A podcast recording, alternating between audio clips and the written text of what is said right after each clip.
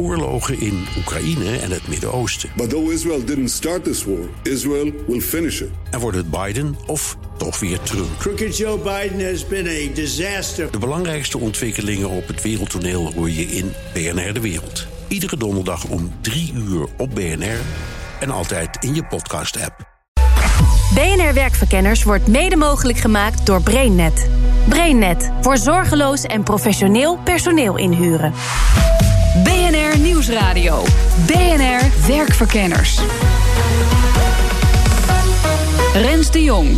We beginnen deze keer met een raadsel. Je gaat altijd op tijd naar huis, zeker op vrijdag. Je bent alleen maar bezig met dossiers en regeltjes... en dat allemaal in een ontzettend bureaucratische en stroperige organisatie. Rara, wat voor een beroep heb je? De vooroordelen over ambtenaren zijn niet al te best... maar hoeveel klopt daar eigenlijk van? En hoe is het werk veranderd van vroeger tot nu? Dat zoek ik uit in deze aflevering van Werkverkenners. Want het blijkt dat ons beeld van wat een ambtenaar nou eigenlijk is... grotendeels komt uit een tijd van lang geleden. Uit de tijd van de traditionele bureaucratie. Uh, regels en procedures stonden centraal. De politiek nam de besluiten en de ambtenarij was de neutrale uitvoerder daarvan. Laat dus eigenlijk zien dat persoonlijkheid er niet zozeer toe doet. Je bent een neutrale uitvoerder van beleid. BNR Werkverkenners. Uh, mijn naam is Helene Keulemans. Ik ben 29 jaar. Ik ben promovenda en als promovenda verbonden aan de Erasmus Universiteit in Rotterdam. En wat onderzoek je? Mijn proefschrift zelf gaat over de interactie tussen ambtenaren en burgers. En specifiek kijken we bij de Belastingdienst hoe die uh, ambtenaar nu eigenlijk ten opzichte van de burger staat. Peter. Ja, ik ben universitair docent in Nijmegen. Ik werk er nu zo'n vijf jaar. En ik doe onderzoek naar competenties van ambtenaren, waaronder dit onderzoek van ons. En met dit onderzoek bedoelt Peter een onderzoek dat hij met Shelena heeft gedaan naar vacatureteksten voor ambtenaren door de tijd heen. Wat wij gedaan hebben is vanaf begin 1980 gekeken in personeelsadvertenties in hoeverre er uh, en welke er persoonlijkheidseigenschappen gevraagd werden van ambtenaren. Tot en met uh, dit jaar, of eigenlijk tot en met eind 2017. Ja. En Selene, wat komt daaruit? Ja, van alles en nog wat. We hebben meerdere hypotheses ontworpen um, die eigenlijk gekoppeld zijn aan veranderingen in tijdsgeest over hoe de overheid zijn, zijn management en zijn taken moet inrichten en bereiken. Mm -hmm. En de hypotheses gaan over of wij verschuivingen zien in de persoonskenmerken die worden gevraagd van ambtenaren die in lijn zijn met verschuivingen in die managementfilosofie Ah, binnen ja. de overheid. Oké, en jullie hebben bijna 40 jaargangen uh, gekeken. Hè? Wat, wat, wat zochten we voor een ambtenaar 40 jaar geleden? Mm, Ja, vanuit de theorie dachten wij vooral iemand die conscientieus te werk zou gaan, die precies zou zijn, accuraat, zorgvuldig. En we dachten ook dat dat vooral in de advertentie terecht zou komen. Maar het grappige is, is dat eigenlijk in die tijd, die eerste jaren van de jaren tachtig, er vrijwel niks van dit alles te vinden was. Het was eigenlijk alleen puur een functie. We zoeken iemand die deze en deze taken wil, uh, wil uitvoeren, redactionele vaardigheden. En dat was het zo ongeveer. Ah, er werd niet naar persoonlijkheidskenmerken gevraagd. Nee, we vonden überhaupt niks uh, terug. Oh. Wil je dat we daar wat context aan ja? geven? Graag. Nou, eigenlijk voor uh, bijna een eeuw is de traditionele bureaucratie de dominante managementfilosofie geweest. En dat houdt in van, goh, um, regels en procedures stonden centraal. En een scheiding tussen politiek en ambtenarij, waar de politiek de besluiten neemt, maar de ambtenarij ze vooral uh, neutraal uitvoert. -hmm. En um, het idee erachter is dat die ambtenaar, dus inderdaad wat Peter aangeeft, juist heel volgzaam moest zijn, bedachtzaam. Je, je persoonlijkheid deed er niet echt toe. En -hmm. onze hypothese was dus dat wij persoonskenmerken die daaraan refereerden zouden terugvinden. Maar we vonden juist bijna geen referenties naar die persoonskenmerken. Zegt misschien ook wat, toch? Ja, dat bedachten we later. Dat uh, ja, bevestigt onze hypothese eigenlijk juist. Want juist doordat al die referenties naar persoonskenmerken niet werden genoemd in die advertenties, dat liet ook heel mooi zien.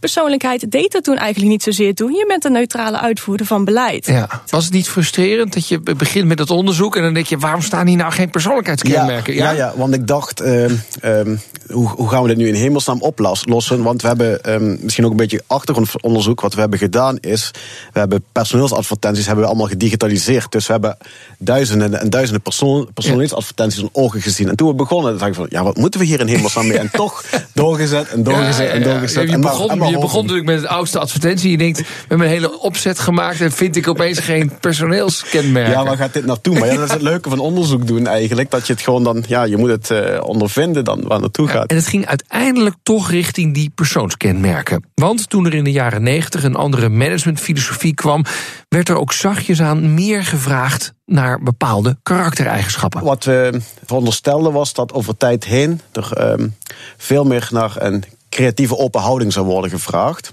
Dat is één ding. En dat zien we ook terugkomen. En ten tweede dachten wij, ehm, over tijd heen moet de ambtenaar ook steeds meer naar buiten toe gaan. Ehm, steeds meer ehm, openstaan voor andere contacten, dus meer sociaal. Ehm, en dat zien we ook terug. Dus eigenlijk die twee dingen, persoonlijkheidskenmerken die te maken hebben met creativiteit. En die te maken hebben met meer sociale openheid. Ja.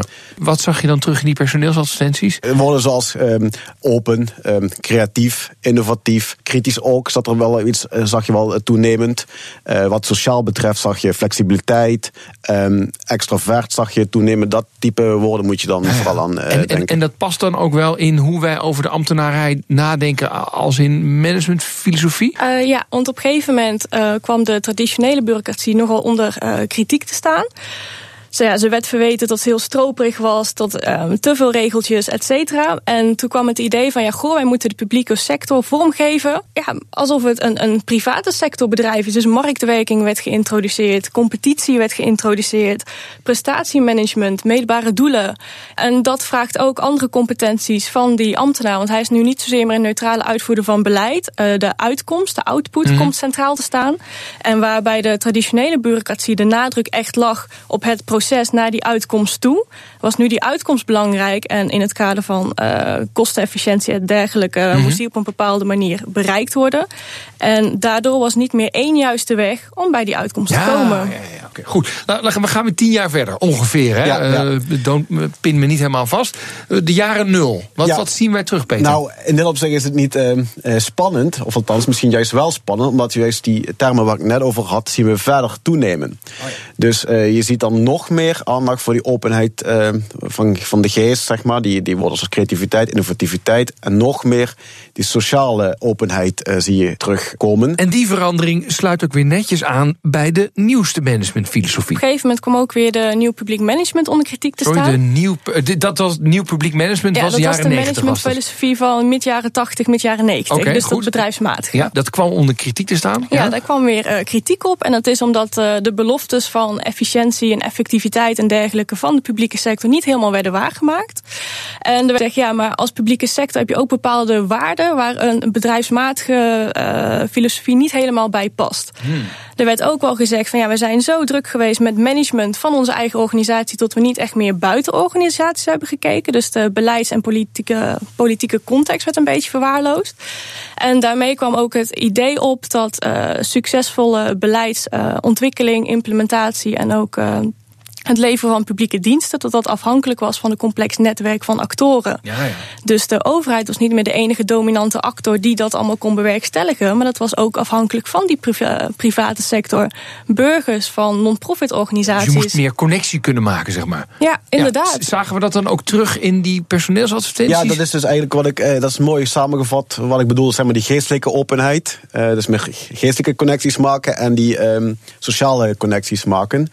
En wat ik nu realiseer is ook dat je juist eh, dan rond die tijd zie je dat die eh, klassieke eh, persoonlijkheidskenmerken, of althans die kenmerken waarvan we dachten het bij klassieke ambtenaar, zie je ook dan toenemen. Dus accuraat, conscientieus, precies, integer, dat zie je dan ook terugnemen, dus het, of toenemen. Dus dat eigenlijk is wel grappig, want dat, dat, dat, of dat dan toch een idee is dat, het dan, dat, dat openheid of dat, dat durven van de ambtenaar toch in zekere zin gecorrigeerd moet worden, dan, Ja, ja. dat het niet te ver moet Ja, doorschieten. het is, maar eigenlijk vraag je dan iets geks, toch? Je zegt aan de ene kant open en eh outreachend en dat soort Ja. dingen. En aan de andere kant, ja, maar het moet wel precies en op tijd. En, eh, Ja, precies. eh, we vragen dan opeens wel veel, want ik zie twee dingen. Ja, je kunt het aan elkaar koppelen. Je kunt zeggen van nou het een heb je nodig voor het ander. Ja. Maar, je, maar wij interpreteren toch uh, meer inderdaad dat het toch wel uh, heel veel van een, een, individuele ambtenaar wordt gevraagd. Althans, ja. in de advertenties. Zien wij daarna nog een verandering? We, we zitten nu ergens rond het jaar 2000 en verder. Hebben, hebben we nog meer veranderingen gezien?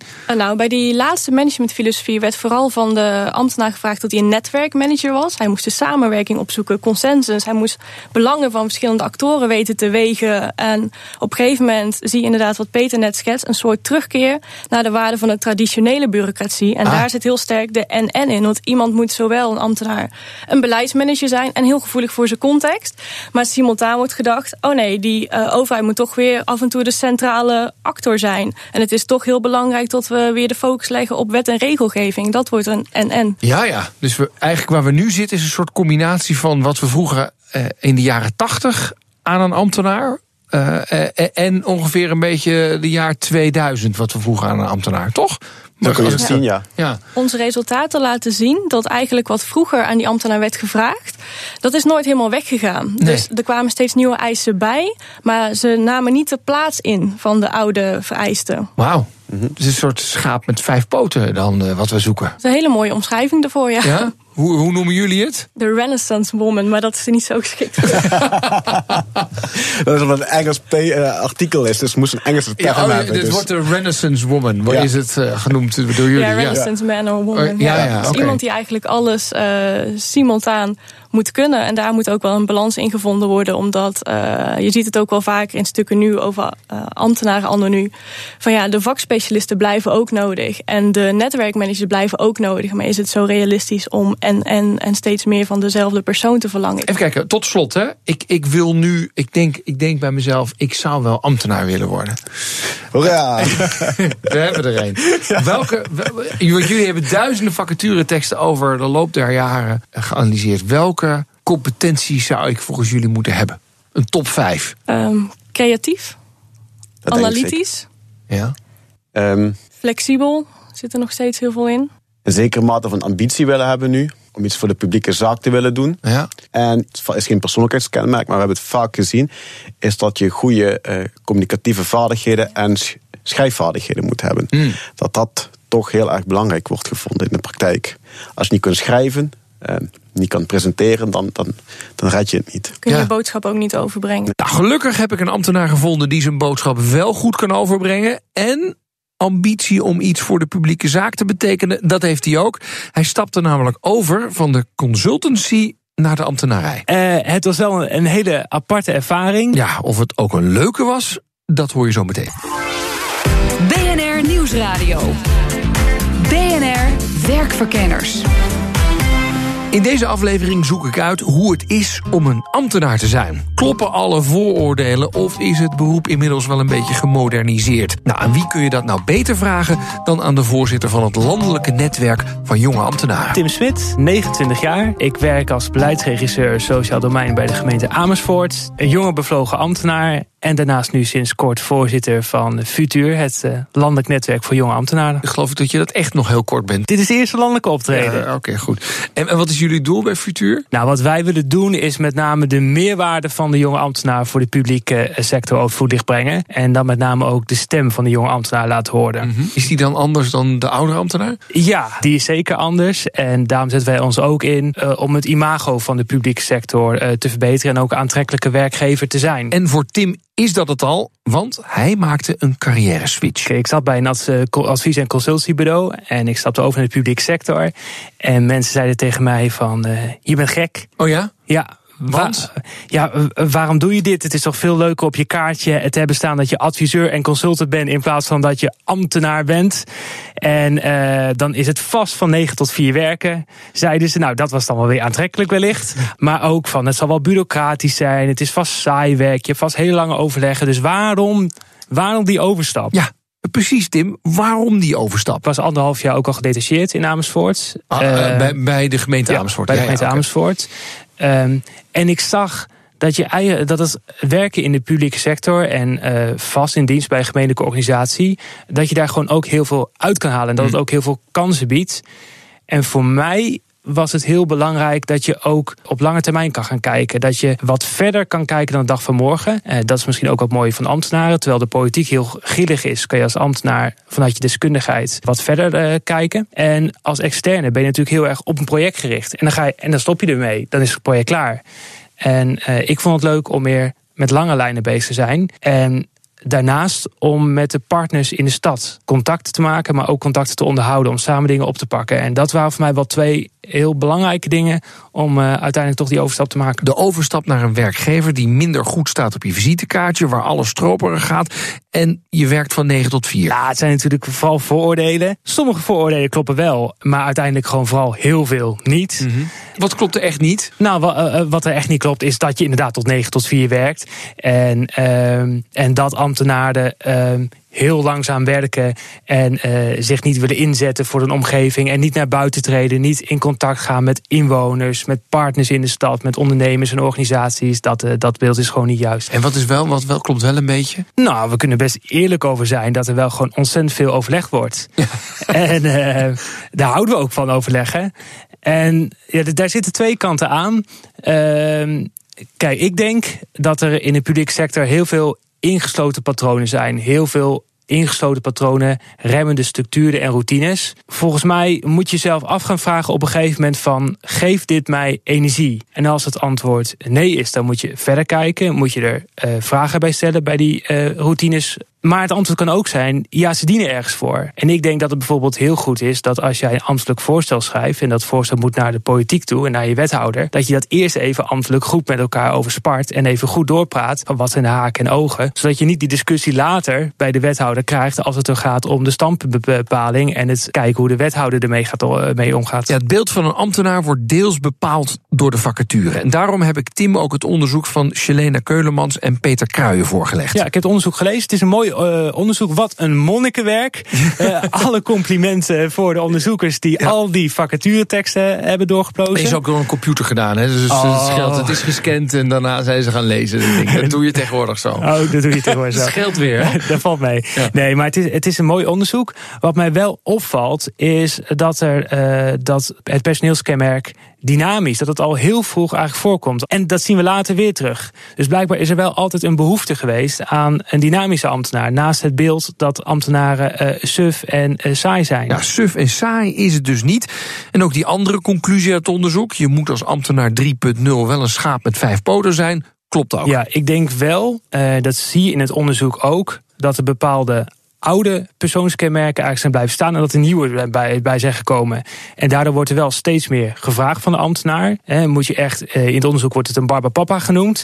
moet je echt verschillende ballen in de lucht houden. Maar dat kan ook alweer juist uitdagend zijn. Misschien ja. dat je daar ook wel juist jongeren mee aan die dat dus leuk vinden. Maar herken je dat? Dat je dus aan de ene kant moet je inderdaad flexibel, communicatief, krachtig. Aan ja. de andere kant moet wel ja. dat werk wat je net beschrijft, moet wel gedaan worden. Is, is dat lastig in één persoon te verenigen? Kan, kan lastig zijn. Ik bedoel, het is wel zo dat je werkt voor de, voor de publieke zaak en dat je dus nauwkeurig te werk moet gaan. Daarnaast zien we inderdaad dat er veel meer een beweging komt waarbij je samen met stakeholders naar buiten gaat, dingen gaat oppakken. En uh, dat communicatieve en politiek sensitieve, uh, dat is wel heel erg van belang. Ja. Dus dat vraagt om, uh, om enigszins de duizendpoot, maar dat maakt het alleen maar leuker. Ja, het is niet zo dat het moeilijk is voor mensen. Nee, ik zie. Het lijkt me namelijk, als ik, als ik je mag onderbreken, dat gedeelte praten met die anderen en daar ideeën uithalen en et cetera. Denk ik, ja, dat lijkt me best wel een leuke baan. Een goed idee kan ik ook wel.